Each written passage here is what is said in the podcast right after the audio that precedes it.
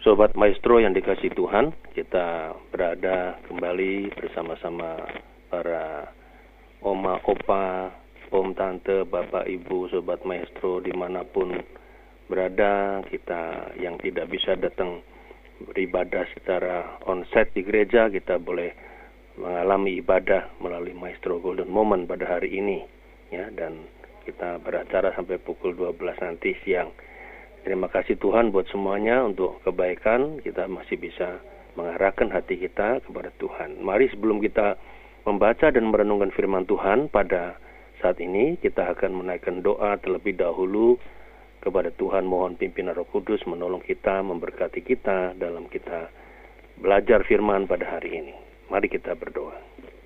Ya Tuhan, kami mengucap syukur untuk selalu penyertaanmu bersama dengan kami sepanjang pekan yang lalu dan hari ini kami berada di hadapan Tuhan melalui siaran Maestro Golden Moment di mana kami mengarahkan hati kami kepada Tuhan sehingga ini merupakan ibadah dari kami yang pada hari ini mungkin tidak bisa datang ke rumah Tuhan. Biarlah ya Tuhan, firman yang boleh kami dengarkan pada hari ini akan memberkati kami karena Roh Kudus sendirilah yang akan menerangkan pada kami lewat hambamu dalam segala kekurangannya untuk menguraikan sabda. Karena kami percaya bahwa firmanmu tidak pernah akan kembali kepada Tuhan dengan sia-sia, tapi bolehlah berlipat kali ganda berbuah dalam diri kami masing-masing. Berapapun buahnya, engkau tidak mempersoalkan. Yang penting kami bisa berbuah karena kami dekat dengan Tuhan. Dan kami percaya Tuhan bahwa firman-Mu yang berbuah dalam diri kami itu memberkati kami dan bahkan menuntun kami di sepanjang jalan kehidupan kami sampai nanti Tuhan datang kembali. Berkati hambamu Tuhan, dengan kuasa roh kudus yang sama Tuhan akan boleh mengarahkan hati dan pikirannya yang telah disiapkan untuk boleh menguraikan sabda Tuhan. Dalam nama Tuhan Yesus kami berdoa. Amin. Sobat Maestro yang dikasih Tuhan, hari ini kita akan membaca bagian ayat dari Alkitab Yohanes 4, saudara-saudara, ayat yang ke-5 sampai 21, ayat 28 sampai 30 dan ayat 39 sampai 42. Jadi agak panjang dikit ya, tapi kita akan membacanya supaya kita bisa mendapat pemahaman yang utuh dari firman Tuhan. Yohanes pasal 4 ayat 5 sampai 21. Maka sampailah ia ke sebuah kota di Samaria yang bernama Sikar dekat tanah yang diberikan Yakub dahulu kepada anaknya Yusuf. Di situ terdapat sumur Yakub. Yesus sangat letih oleh perjalanan, karena itu ia duduk di pinggir sumur itu. Hari kira-kira pukul 12. Maka datanglah seorang perempuan Samaria hendak menimba air. Kata Yesus kepadanya, "Berilah aku minum." Sebab murid-muridnya telah pergi ke kota membeli makanan. Maka kata perempuan Samaria itu kepadanya, "Masakan engkau seorang Yahudi minta minum kepadaku seorang Samaria?" Sebab orang Yahudi tidak bergaul dengan orang Samaria. Jawab Yesus kepadanya, "Jikalau engkau tahu tentang karunia Allah dan Siapakah dia yang berkata kepadamu, berilah aku minum. Niscaya engkau telah meminta kepadanya dan ia telah memberikan kepadamu air hidup. Kata perempuan itu kepadanya, Tuhan, engkau tidak punya timba dan sumur ini amat dalam. Dari manakah engkau memperoleh air hidup itu? Adakah engkau lebih besar daripada Bapa kami Yakub yang memberikan sumur ini kepada kami dan yang telah minum sendiri dari dalamnya ia serta anak-anaknya dan ternaknya. Jawab Yesus kepadanya. Barang siapa minum air ini, ia akan haus lagi. Tetapi barang siapa minum air yang akan kuberikan kepadanya, ia tidak akan haus untuk selama-lamanya. Sebaliknya air yang akan kuberikan kepadanya akan menjadi mata air di dalam dirinya yang terus-menerus memancar sampai kepada hidup yang kekal. Kata perempuan itu kepadanya, Tuhan, berikanlah aku air itu, supaya aku tidak haus dan tidak usah datang lagi ke sini untuk menimba air. Kata Yesus kepadanya, Pergilah, panggillah suamimu dan datang ke sini. Kata perempuan itu, Aku tidak mempunyai suami. Kata Yesus kepadanya, Tepat katamu, bahwa engkau tidak mempunyai suami sebab engkau sudah mempunyai lima suami dan yang ada sekarang padamu bukanlah suamimu. Dalam hal ini engkau berkata benar, kata perempuan itu kepadanya. Tuhan, nyata sekarang padaku bahwa engkau seorang nabi. Nenek moyang kami menyembah di atas gunung ini, tetapi kamu katakan bahwa Yerusalemlah tempat orang menyembah. Kata Yesus kepadanya, "Percayalah kepadaku, hai perempuan, saatnya akan tiba bahwa kamu akan menyembah Bapa bukan di gunung ini dan bukan juga di Yerusalem." Lalu kita lanjutkan dengan ayat 28 sampai 30. Maka perempuan itu meninggalkan tempayannya di situ lalu pergi ke kota dan berkata kepada orang-orang yang di situ, "Mari, lihat di sana ada seorang yang mengatakan kepadaku, segala sesuatu yang telah kuperbuat, mungkinkah dia Kristus itu? Maka mereka pun pergi keluar kota, lalu datang kepada Yesus. Lalu kemudian dilanjutkan dengan ayat 39 sampai 42.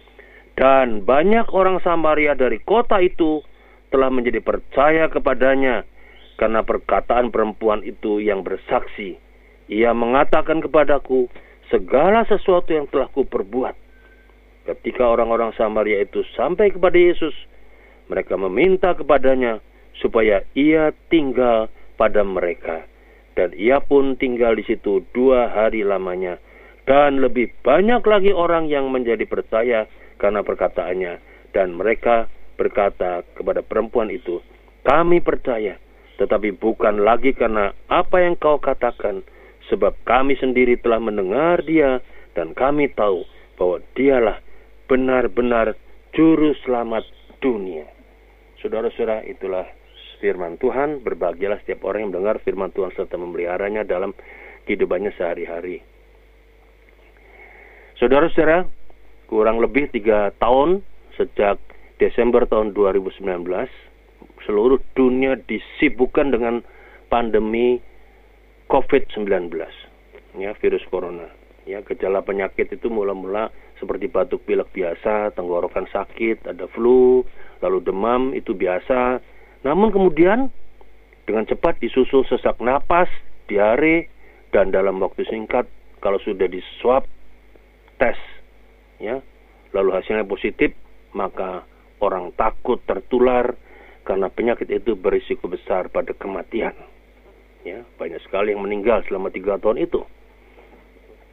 Maka yang positif harus dipisahkan dikarantina atau diisolasi untuk penyembuhannya. Ya kalau bisa sembuh tapi banyak kan banyak yang juga meninggal. Ada juga yang bisa hidup. Puji Tuhan itu karunia besar pada mereka.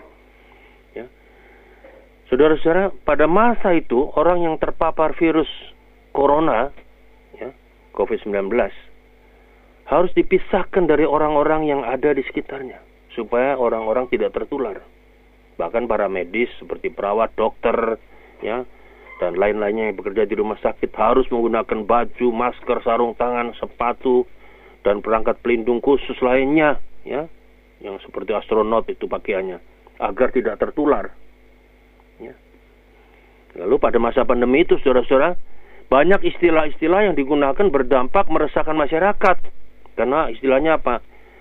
Isolasi, karantina, lockdown, penutupan tempat-tempat kegiatan yang mengundang massa, nggak boleh uh, berdekatan, bersinggungan, ya. Harus lebih banyak di rumah, kerja pun di rumah dan sebagainya. Nah, saudara-saudara, siapa pun yang dipisahkan dalam tempo lama tentu merasa tidak nyaman, merasa capek, lelah fisik, lelah batin, lelah pikiran, merasa seperti tidak hidup meskipun masih sesak napasnya, ya. Buntu jalannya karena tidak ada obat yang pasti. Ya, kita melihat begitu dan saudara-saudara hanya menunggu kematian. Perasaan tertekan dan tidak berguna dapat menciptakan rasa putus asa. Ya. Jadi situ kita melihat banyak orang putus asa. Orang lebih banyak di rumah, ya, tidak kerja karena nggak boleh kerja, nggak boleh berseliweran di jalan-jalan. Ya, jalan-jalan pun juga sepi. Ya. Orang buntu jalannya, ya. Kenapa? Karena kalau sakit tidak ada obat yang pasti, hanya menunggu kematian. Perasaan tertekan dan tidak berguna mendapatkan dalam diri tiap orang yang ada itu merasa kemudian putus asa yang berkelanjutan. Orang lebih banyak di rumah, tidak kerja, jemu, bahkan tidak sedikit keluarga-keluarga atau kepala keluarga yang biasa kerja jadi depresi. Ya, belum lagi ekonomi tidak jalan dengan bagus. Padahal maksud isolasi, maksudnya dipisahkan itu di karantina dalam konteks saat itu, saat pandemi itu, tentu untuk kebaikan semua orang agar penyakit itu dapat dilokalisir dan COVID-19 tidak mewabah ke masyarakat luas. Nah, saudara-saudara, Desember kemarin Presiden kita mengatakan bahwa pandemi dinyatakan sudah mereda, nggak perlu ada ppkm, ya. Nah, apa yang kita lihat ternyata masyarakat bereforia ya masyarakat ingin memulihkan dirinya yang ter tertekan ya.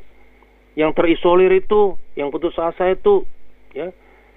Lalu untuk memulihkan itu mereka beraktivitas kembali. Tapi juga ada orang-orang yang ingin memulihkan diri itu dalam bahasa gaulnya di medsos itu sering kali dikatakan healing healing ya. Healing ya healing healing nah tema kita hari ini adalah healing-healing bersama Yesus. Nanti kita akan lihat apa itu maksudnya. Jadi healing-healing itu pengertiannya waktu di medsos itu ya sebagai bahasa gaul itu setelah kita lelah, kita jenuh, kita nggak bersemangat di masa pandemi itu COVID-19 itu, maka kini masyarakat ingin refreshing dan ingin memulihkan dirinya dengan melakukan healing-healing ya atau ada juga bahasa lain yang disebut me time. Wah mau me time. Gitu kan? Lalu kemudian publik Indonesia ini menyebut healing itu itu artinya mengacu ke aktivitas jalan-jalan. Ya malah diplesetkan halan-halan. Kadang-kadang begitu. Oleh uh, bahasa gaul itu.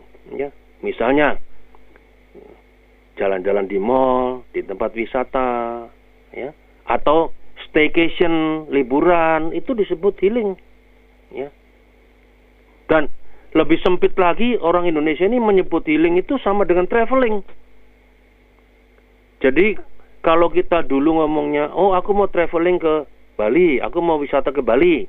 Sekarang enggak orang sekarang ngomongnya aku lagi healing di Bali. Ya. Aku healing dengan trip bersama katakanlah travel mana gitu kan yang membawa kita ke mana. Ada yang mengatakan weekend ini kita healing yuk halan-halan di mall nah dan sebagainya. Nah saudara-saudara itu healing-healing dalam pengertian bahasa gaul ya bahasa gaul di media sosial. Ya ya lebih sempit diartikan sama dengan traveling ya padahal kamus Oxford bahasa Inggris Healing itu artinya adalah the process of becoming or making someone or something healthy again. Bila diterjemahkan ke bahasa Indonesia, healing punya arti apa? Proses menjadi atau membuat orang pulih kembali. Atau singkatnya, healing berarti penyembuhan. Itu maksudnya. Ya. Healing dalam bahasa gaul bisa mengatasi pemulihan. Ya, semen, tapi sementara healing-healing di mall, pulang dari mall ya hidupnya biasa lagi. Ya. Rutin lagi. Healing ke Bali, pulang dari Bali sumpah lagi juga. Orang gelisah. Orang jenuh juga dengan semua pekerjaan, dengan semua keadaan yang ada, ya. Jadi kita disegarkan tapi sementara. Kalau healing-healing itu ya, dalam pengertian itu. Setelah itu kita masuk lagi dunia rutin kita dan kita mengalami, lagi hal yang sama seperti dunia kita sebelum healing healing. Ya. Refreshing seperti itu hanya sementara. Pemulihan seperti itu cuma sementara. Penyegaran seperti yang saya sebutkan di atas adalah cuma sementara. Selesai itu kita kembali kepada keadaan yang lama juga lagi. Ya, lalu keadaan kita jenuh, kita bisa merasakan penat, lelah pikiran, lelah ini semua ya semua itulah keadaan kita ya sehari-hari. Ya. Saudara-saudara, itu sementara ya. Kita masuk dunia yang sementara itu. Nah, seperti kata Yesus dalam percakapan dengan perempuan Samaria di ayat yang ke-13 dan 14. Air dari sumur Yakub yang diminum oleh perempuan Samaria itu akan mengakibatkan haus lagi. Ya, padahal sumur Yakub. Tapi air yang dari Yesus tidak akan haus selamanya kalau orang meminumnya. Bahkan kalau orang meminumnya menjadi mata air dalam diri seseorang yang memancar sampai kepada kehidupan yang kekal. Itu ada pada ayat yang ke-13 dan 14. Yang saya bacakan begini. Ya. Jawab Yesus kepadanya, "Barang siapa minum air ini, ia akan haus lagi. Tetapi barang siapa minum air yang akan kuberikan kepadanya, ia tidak akan haus untuk selama-lamanya. Sebaliknya air yang akan kuberikan kepadanya akan menjadi mata air di dalam dirinya yang terus-menerus memancar sampai kepada hidup yang kekal." Nah, itu yang dikatakan Yesus. Nah, dalam kisah pelayanannya, Tuhan Yesus itu bertemu dengan seorang perempuan yang terisolasi, ya. Saudara suruh sumur, sumur Yakub itu itu seharusnya menjadi tempat berelasi antara sesama. Ya. Ternyata bagi perempuan Samaria itu ternyata tidak bukan tempat berelasi. Ya. Karena ia tidak hanya termasuk perempuan yang selalu diremehkan, yakni sebagai orang Samaria, tapi juga ia ditolak oleh kaumnya sendiri. Ia adalah perempuan dengan gambar diri yang hancur, yang secara mendalam merasa bersalah, tidak berguna, yang capek dalam segala hal. Masih untung ia tidak depresi, bahkan gila. Ia masih hidup bernapas, tetapi tidak mengalami hidup yang sesungguhnya, hidup yang normal, dengan kebahagiaan seperti perempuan-perempuan lainnya. Ya, mengapa? Karena kebiasaan para perempuan ya di kota Sikar itu datang pada pagi hari. Mereka menimba air dan mencuci sambil bersenda gurau para perempuan-perempuan itu. Ia da tapi perempuan Samaria ini datang menimba air sendirian pada siang hari bolong di sumur Yakub itu. Karena merasa ditolak dan dihina oleh kaumnya sendiri. Sehingga merasa malu dan terisolasi, tersingkir. Ia berusaha menghindari perjumpaan dengan perempuan-perempuan lainnya di kota itu. Ia tidak mau menjadi bahan gosip dan tertawaan sesama perempuan.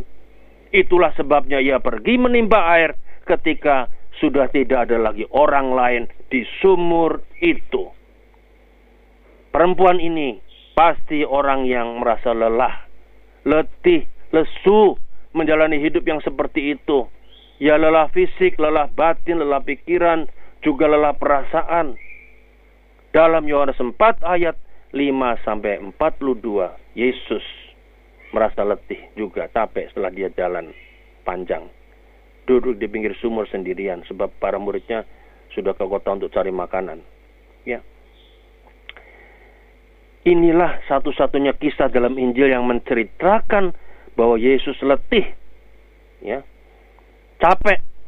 Ia merasa capek sesudah perjalanan panjang di bawah terik matahari Yudea pukul 12 siang waktu itu. Yesus merasa haus dan meminta kepada perempuan itu, "Berilah aku minum." Perempuan itu terhenyak sebab ia sangat tahu bahwa orang Yahudi tidak bergaul dengan orang-orang seperti dirinya. Dan ia juga tahu dari gaya bahasa dan pakaian yang dipakainya Yesus. Jelaslah bahwa Yesus adalah seorang Yahudi dari Galilea. Di samping itu, seorang pria Yahudi tidak mungkin juga berbicara dengan seorang laki-laki yang bukan muhrimnya. Ya. Nah, saudara-saudara, nah, tema kita hari ini apa? Healing, healing bersama Yesus. Saudara-saudara, healing bersama Yesus. Di sini Tuhan Yesus mulai menembus isolasi itu. Ya. Ia mengenal betul betapa dalamnya gambaran negatif perempuan Samaria itu tentang dirinya sendiri kehidupan kelam bersama lima suami dan kini tinggal bersama lelaki yang bukan suaminya. Sudah cukup menjelaskan bahwa perempuan ini bukan perempuan baik-baik. Dan Tuhan Yesus sama sekali tidak bicara tentang stigma negatif. Ia tidak meninggikan diri atau Tuhan Yesus tidak memberi nasihat-nasihat bijak kepada perempuan itu. Namun Yesus datang sebagai seorang pengemis dalam tanda petik. Seorang pengemis yang meminta air karena haus dan capek dan letih. Ia meminta itu kepada perempuan itu. Ya. Perempuan yang sebelumnya merasa tidak berguna, terisolasi, letih, capek, lesu hidup itu menjalani yang dijalani oleh dia. Ya, seperti itu. Kita lihat bahwa dengan cara Tuhan Yesus membuka dirinya kepadanya, ya, kini merasa berguna. Ada seorang Yahudi yang mau berkomunikasi dan meminta tolong kepadanya. Dalam tanda petik sebagai pengemis tadi, malah ngemis minta air. Yesus mengangkat dia ya dalam sebuah dialog yang luar biasa. Ya. Dalam dialog itu relasi dibangun. Dia mempercayai perempuan itu. Yesus angkat dia dan mengembalikan kepercayaan harga dirinya sebagai perempuan yang tidak baik-baik. Ya. Perhatikan saudara-saudara, Yesus mengajarkan kepada kita bagaimana membangun relasi dengan perempuan yang terluka dan hancur hatinya. Yesus tidak datang sebagai seorang yang merasa dirinya lebih tinggi, yang datang dari atas, ya, orang hebat, tetapi dengan rendah hati dari bawah Yesus datang sebagai seorang pengemis yang minta tolong kepada perempuan Samaria itu.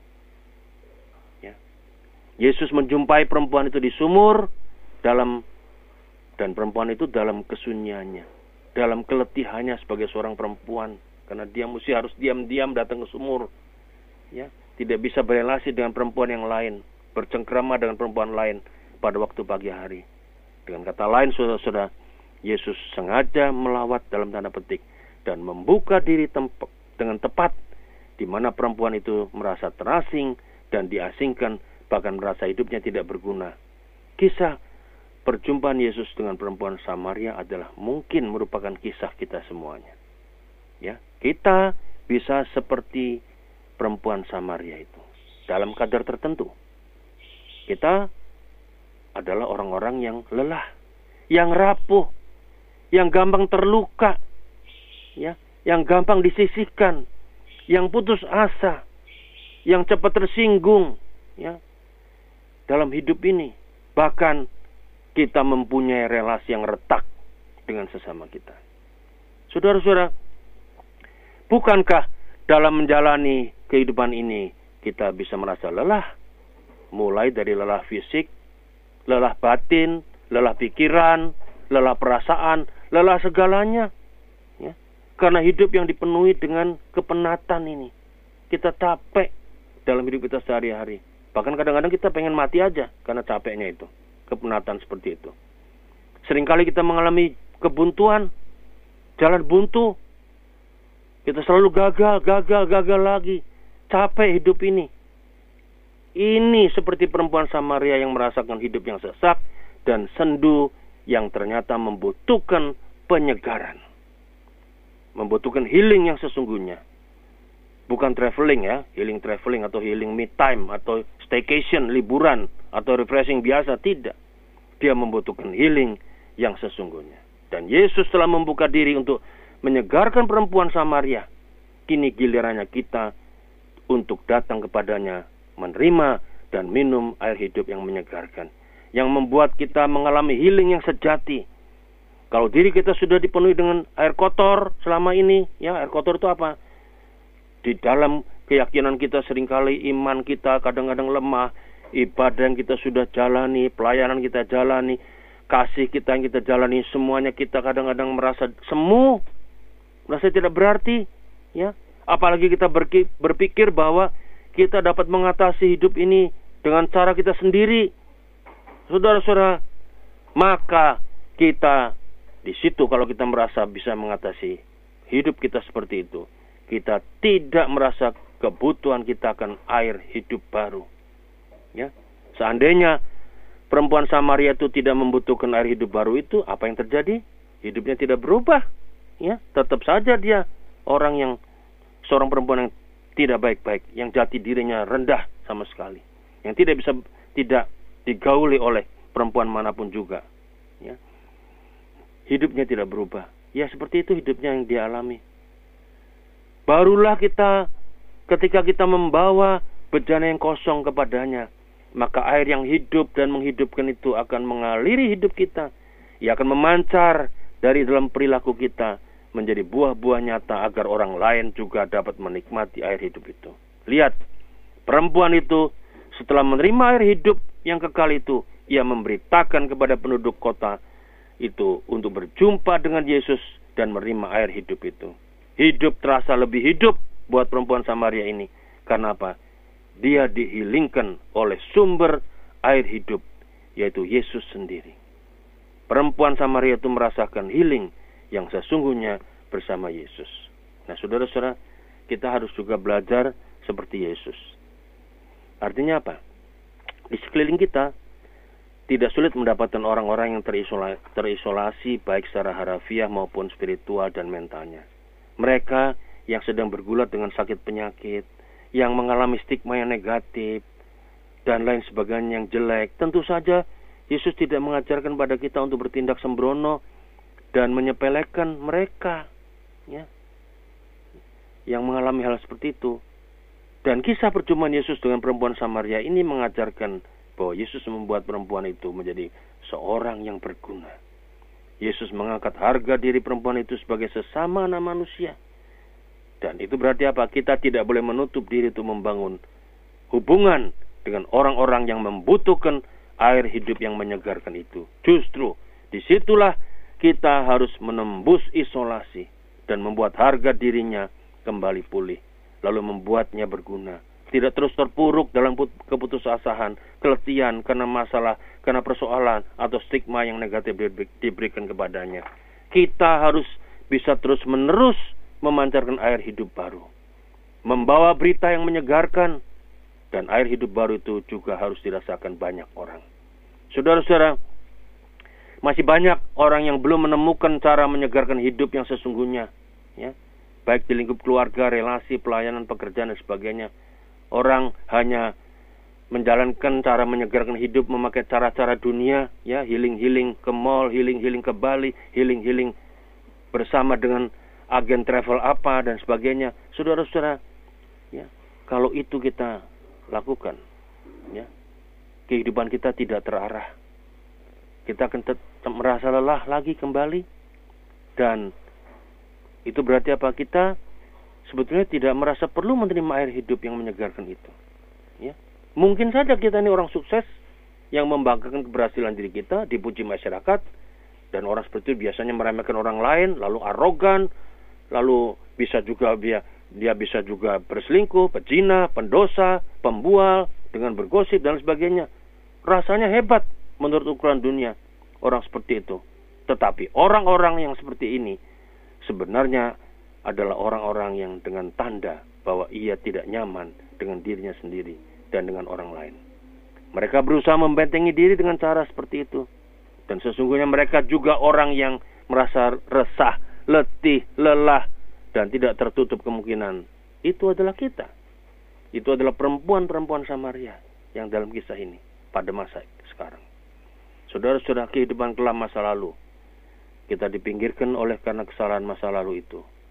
Kepada kita mungkin disematkan label orang yang bersalah, berdosa besar, bahkan sampai masyarakat lalu kita menjadi orang tidak berguna, kita merasa lelah, di sinilah peran kita sebagai perempuan-perempuan Samaria diuji. Kalau air hidup yang Yesus berikan itu mengalir dalam diri kita, maka kita harus memberitakannya kepada mereka agar mereka juga turut healing bersama dengan Yesus. Datang saudara-saudara dan percayalah pada Yesus sebagai air hidup yang sesungguhnya. Maka engkau akan mengalami air hidup yang menyegarkan. Engkau akan mengalami healing yang sesungguhnya. Healing bersama Yesus. Amin.